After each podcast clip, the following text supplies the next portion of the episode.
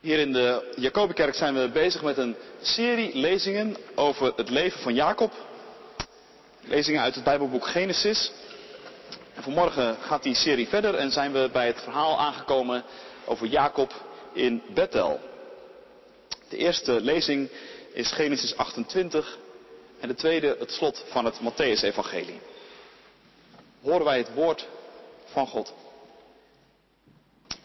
Jacob nu vertrok uit Berseba en ging naar Haran. Hij bereikte de plaats waar hij overnachtte, want de zon was ondergegaan. Hij nam een van de stenen van die plaats, maakte daar zijn hoofdkussen van en legde zich op die plaats te slapen. Toen droomde hij. En zie, op de aarde was een ladder geplaatst waarvan de top de hemel raakte. En zie, engelen van God klommen daar langs omhoog en omlaag.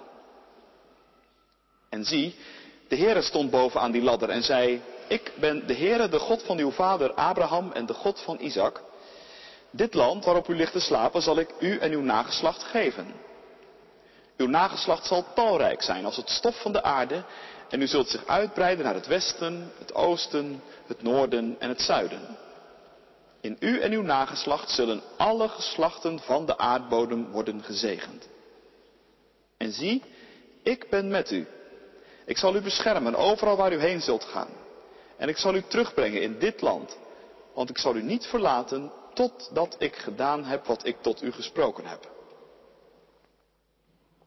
Toen Jacob uit zijn slaap ontwaakte, zei hij, de Heer is werkelijk op deze plaats en ik heb het niet geweten. Daarom was hij bevreesd en zei hij, hoe ontzagwekkend is deze plaats. Dit is niets anders dan het huis van God, de poort van de hemel. Daarna stond Jacob s morgens vroeg op. Hij nam de steen waar hij zijn hoofdkussen van gemaakt had, zette die overeind als een gedenkteken en goot er olie op. Hij gaf die plaats de naam Bethel, hoewel de naam van de stad eerst Lus was. En Jacob legde een gelofte af en hij zei, als God met mij zal zijn en mij zal beschermen op deze weg, waar ik op ga, en mij brood zal geven om te eten en kleren om aan te trekken, en ik in vrede in het huis van mijn vader zal terugkeren, dan zal de Heere mij tot een God zijn. En deze steen, die ik als gedenkteken overeind heb gezet, zal een huis van God zijn. En van alles wat u mij geven zult, zal ik u zeker een tiende deel geven. Tot zover de eerste lezing. Tweede lezing uit het Matthäus-evangelie. De elf discipelen zijn naar Galilea gegaan, naar de berg waar Jezus hen ontboden had. En toen ze hem zagen, aanbaden ze hem. Maar sommigen twijfelden. En Jezus kwam naar hen toe, sprak met hen en zei, Mij is gegeven alle macht in hemel en op aarde. Ga dan heen, onderwijs al de volken, hen dopend in de naam van de Vader en de Zoon en de Heilige Geest, hun lerend alles wat ik u geboden heb in acht te nemen. En zie, ik ben met u alle dagen tot aan de voleinding van de wereld. Amen. Tot zover de lezing van deze morgen. Dit is het woord van God gemeente voor jou, voor u, voor mij. Gelukkig zijn we als we het woord van God horen, dat bewaren in ons hart en daar ons vertrouwen op stellen. Halleluja. Amen. Kerntekst voor de verkondiging is vers 15 uit Genesis 28. En die woorden worden door Jezus hernomen in het slot van het Matthäus-evangelie. Ik ben met u. Ik zal u beschermen, overal waar u heen zult gaan. Ik zal u terugbrengen in dit land, want ik zal u niet verlaten, tot ik heb gedaan wat ik tot u gesproken heb. En Jezus zegt, en zie, ik ben met jullie alle dagen tot aan de voleinding van de wereld. Gemeente van Christus, op school stonden ze op het bord geschreven. Het werkwoord hebben en het werkwoord zijn. Hiermee was tijd, was eeuwigheid gegeven. Het ene werkelijkheid en het andere schijn. Dat zijn de eerste twee, wat mij betreft, onsterfelijke zinnen uit het gedicht Hebben en Zijn van Ed Hornick. Hebben en zijn, dat zijn inderdaad in elke taal twee cruciale werkwoorden. Misschien zit je hier en ben je net dit jaar naar de middelbare school gegaan en maak je kennis met nieuwe vreemde talen. En als dat al wat langer geleden is, kun je het je vast nog herinneren. Frans, Engels, Duits, misschien wel Grieks of Latijn. En staan ze ook bij jou op het bord geschreven. Het werkwoord hebben en het werkwoord zijn. En als je dan twee rijtjes zou maken en je zet in verschillende talen die werkwoorden onder elkaar, dan valt je al heel snel iets op. Met het werkwoord zijn is namelijk altijd iets vreemds aan de hand. Zijn is het enige werkwoord dat zich in geen enkele taal aan de regels houdt. Het is altijd netjes keurig. Ik heb, hij heeft, wij hebben. En ich habe, er had, wir haben. En I have, en he has, en we have. Maar zijn, zijn klopt nooit. Alleen in het Nederlands al. Ik ben, hij is, wij zijn. Ich bin, er ist, wir sind. Je suis, il est, nous sommes. Je merkt het, in elke taal is dat onlogisch. Fascinerend, vind je niet? En waarom eigenlijk? Nou, die dichter, Ed Hornick, die weet dat wel. Want, zegt hij verderop in het gedicht, die twee woorden zijn eigenlijk twee werelden. Hebben, zegt hij in het gedicht, hebben is eigenlijk niks. Hebben is oorlog. Hebben is niet leven. Hebben is hard. Hebben is hongeren naar de aarde. Hebben is enkel zinnen en botte plicht. En zijn? Zijn, zegt hij, zijn is de ziel. Zijn is luisteren. Zijn is een stapje achteruit doen. Kind worden. Naar de sterren kijken. Maar je voelt wel aan, voor die dichter is het heel duidelijk. Hebben is de schijn en zijn, dat is de werkelijkheid. Hebben is de tijd en zijn is de eeuwigheid. Je kunt heel veel hebben. En je kunt heel veel bereikt hebben.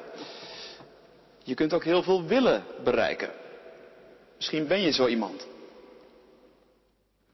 Maar de vraag is dan altijd, tegen welke prijs? Wat heeft het je gekost? En wie ben je? Of wie ben je nog?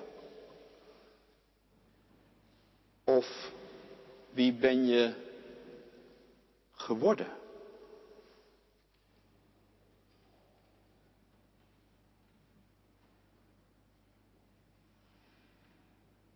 Die vragen laten zich ook aan Jacob stellen in Genesis 28 als het om hebben gaat, dan heeft hij zeker bereikt wat hij wilde. Het was allemaal begonnen om die eerstgeboortezegen. Die moest en die zou hij hebben. Eerlijk is eerlijk, die was hem ook beloofd. De meerdere zouden mindere dienen, had God tegen zijn moeder Rebecca gezegd. Maar dat dat gepaard moest gaan met allerlei intriges, met leugens en andere producten uit de firma list en bedrog, dat had God er zeker niet bij gezegd. Maar het was wel zo gegaan. Eerst aan zijn broer Esau de toezegging ontfutseld. Daarna zijn vader Isaac vakkundig om de tuin geleid. En inderdaad, dan heb je ook wat.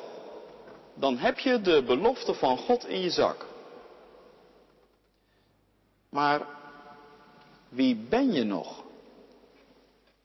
Of wie ben je door dit alles geworden?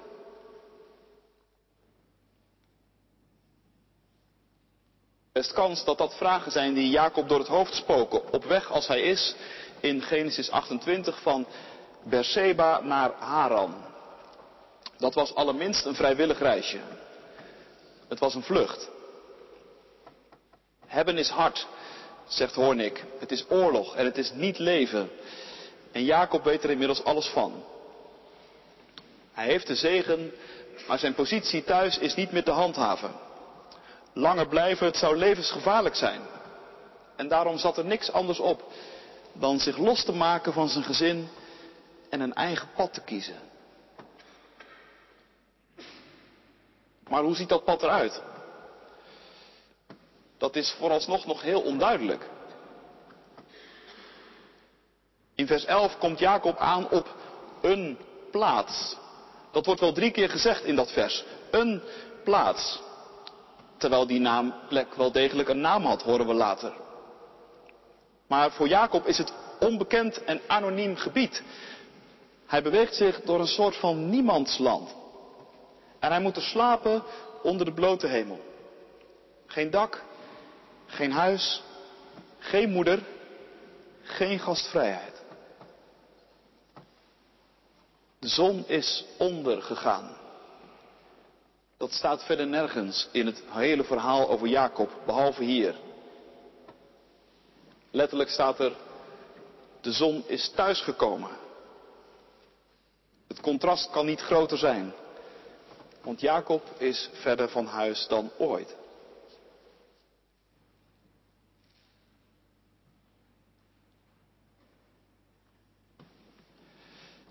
En dan een droom. Midden in die donkere, eenzame nacht een droom. Een droom waarin iets te zien is, dat zeker, maar vooral ook iets te horen. Te zien, te zien is dat veelzeggende plaatje dat zoveel mensen door de hele geschiedenis heen heeft aangesproken. En waarvan je een afbeelding kunt zien op de voorkant van je liturgie. Een ladder, engelen, op en neer.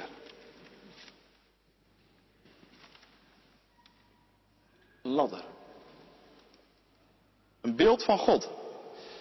Die het platte, al te platgeslagen leven van Jacob openbreekt. En die daar een verticale lijn bovenop zet, vol leven en vol beweging. Je voelt het contrast met de Jacob die plat ligt, horizontaal, bewegingloos, ligt te slapen. Maar er is nog meer. Behalve iets te zien, is er in die droom ook vooral iets te horen. In de eerste plaats bekende woorden. De Heere God herhaalt tegenover Jacob de woorden die hij al eerder aan Abraham had gegeven. Over land, over nageslacht, over zegen, over andere volken die in die zegen zouden delen.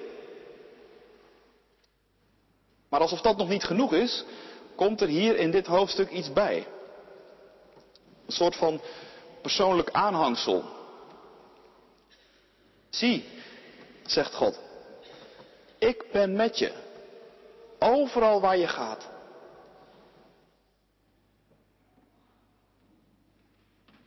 En met die laatste woorden raakt God precies aan het meest kwetsbare en pijnlijke punt in Jacobs leven.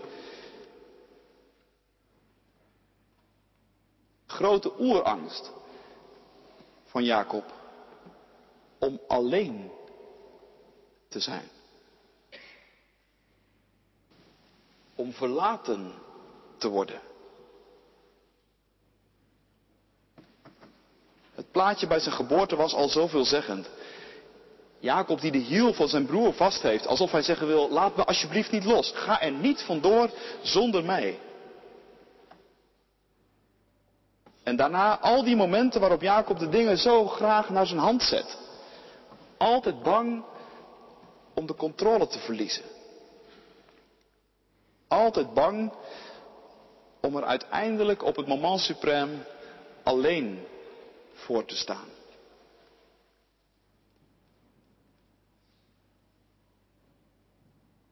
Nu ja, je zou kunnen zeggen dat moment suprême is dan hier toch wel aangebroken. Je zal maar liggen in je eentje onder de blote hemel. Eenzamer en meer verlaten kun je je nauwelijks voelen. Hier in de woestijn lijkt Jacob dus volkomen gelijk te krijgen. Zie je wel, dit is dus waar ik altijd al bang voor was. Hier komen mijn meest benauwde dromen alsnog uit.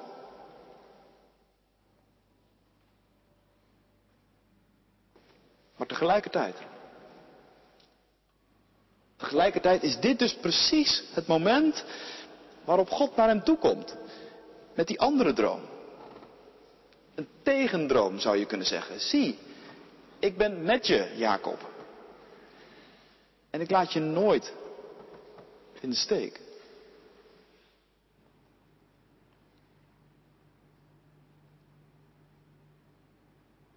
Misschien ken je de voorgeschiedenis een beetje en denk je nu, maar dat is toch ongelooflijk dit eigenlijk.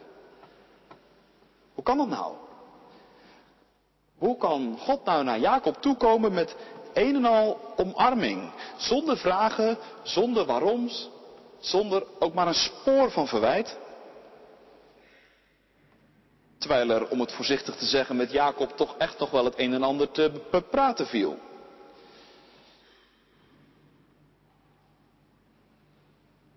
Nou ja, dat gaat ook zeker wel gebeuren.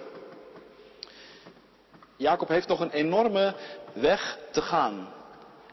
Hij heeft nog heel wat kilometers af te leggen, maar hij heeft ook heel wat geestelijke kilometers af te leggen. Pas over drie hoofdstukken staat er dat de zon weer opgaat. En daartussen zit een periode van jaren, waarin Jacob heel wat meemaakt en vaak aan dit moment zal terugdenken. Het is dus zeker niet Gods laatste woord dat hier klinkt.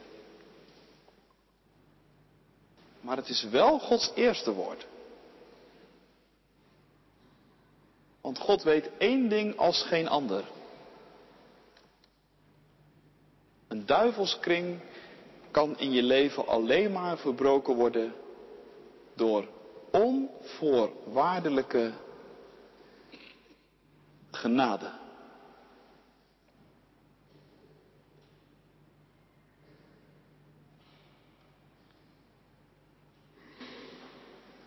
Nu een sprong. Vanmorgen worden in deze dienst acht kindjes gedoopt.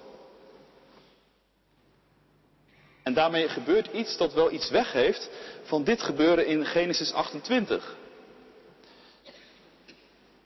God plaatst vanmorgen een ladder in jullie levens.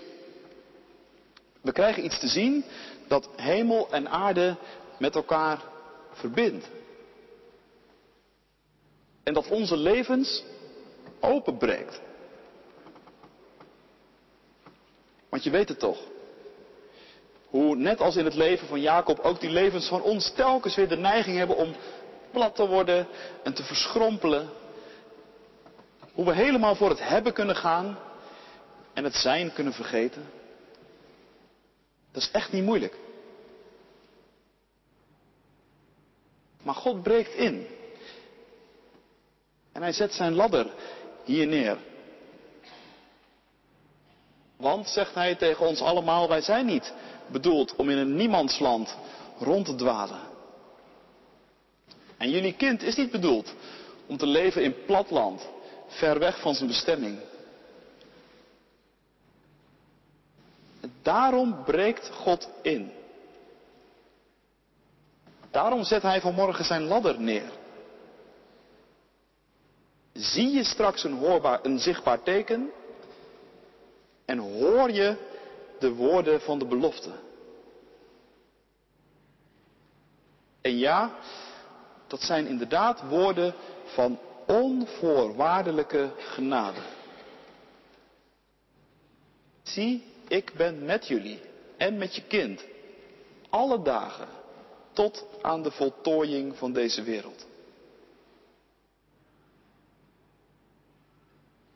Veelzeggend dat Jezus aan het slot van het Matthäus-evangelie juist deze woorden uit Genesis 28 teruggrijpt. Zie, ik ben met je.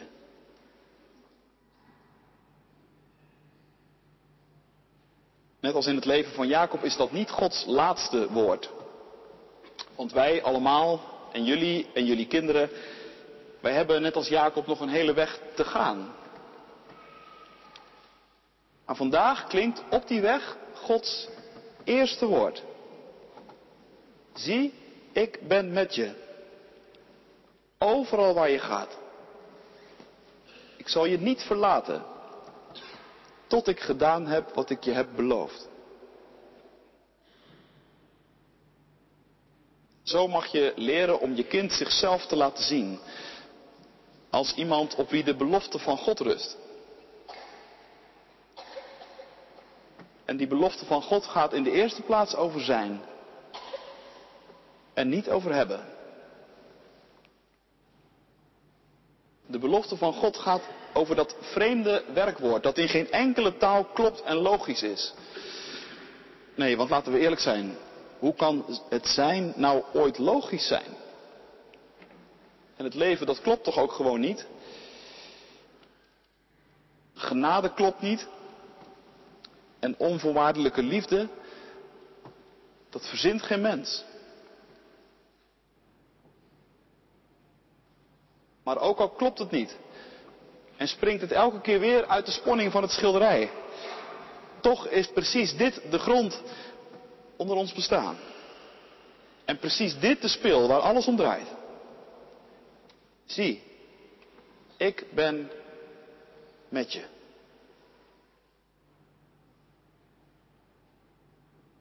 Je dat beseft. En ik denk dat christen zijn één lange weg is om dat te leren beseffen. Dan merk je ineens hoe groot het verschil is tussen hebben en zijn. Tussen schijn en werkelijkheid.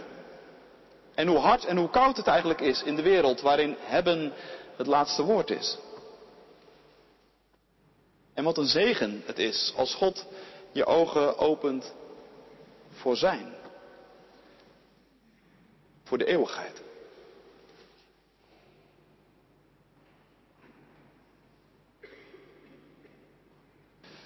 Tot slot nog twee dingen.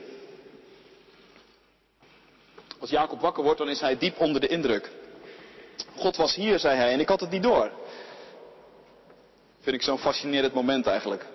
God was hier en ik had het niet door. Maar het effect is er niet minder om in het leven van Jacob. Want het niemandsland zonder naam, waar hij de vorige avond in slaap viel, krijgt meteen een nieuwe naam. Het gaat Bethel heten. Huis van God. En Jacob, hij richt er een gedenksteen op.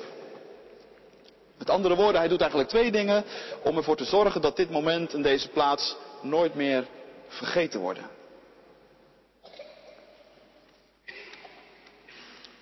Tijdens de voorbereiding op deze dienst hadden wij het over de gewoonte om je doopdag te gedenken. Sommigen van jullie doen dat al met hun kinderen.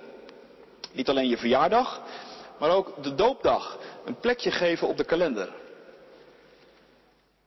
In feite doe je dan dus wat Jacob hier ook deed. Zomaar een plek en zomaar een dag. Veranderen in een heel specifieke plek en een heel specifieke dag.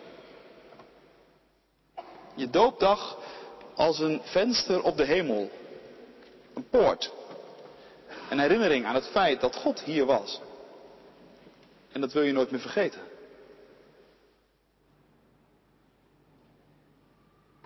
En het tweede dat Jacob doet is een gelofte afleggen. Dat doen jullie straks ook, hier voor in de kerk. En als je nou naar die gelofte van Jacob kijkt, dan denk je misschien is dat nou alles. Als je het goed uh, doorneemt, dan merk je dat het er allemaal nogal voorzichtigjes aan toe gaat. Als God dit, dan misschien dat. Met andere woorden, ik doe mijn best om het serieus te nemen, maar ergens moet ik het toch nog maar zien. In die woorden van Jacob zit toch iets van een slag om de arm. Dat had na die onvoorwaardelijke genade van God toch wel wat royaler gekund, zou je denken. Nou ja, misschien wel.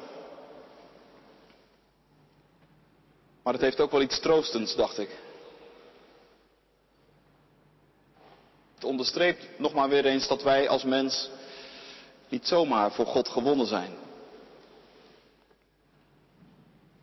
En het laat voorzichtig maar heel duidelijk zien dat we het uiteindelijk van onze goede gewoontes en goede beloften toch ook weer niet moeten hebben.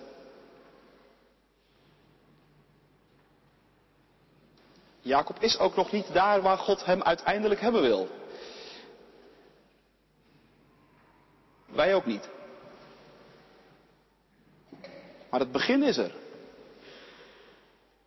Er is een kier, een scheur, een barst, een crack in everything. And that's how the light gets in. Die kier is een voorbode. Een voorbode van meer. Zoals later bij Elia met dat kleine wolkje. Voorbode van meer. Want één ding is duidelijk. Wij hebben een God die je niet zomaar eruit fietst. Wij hebben een God die niet loslaat wat zijn hand begon. Amen.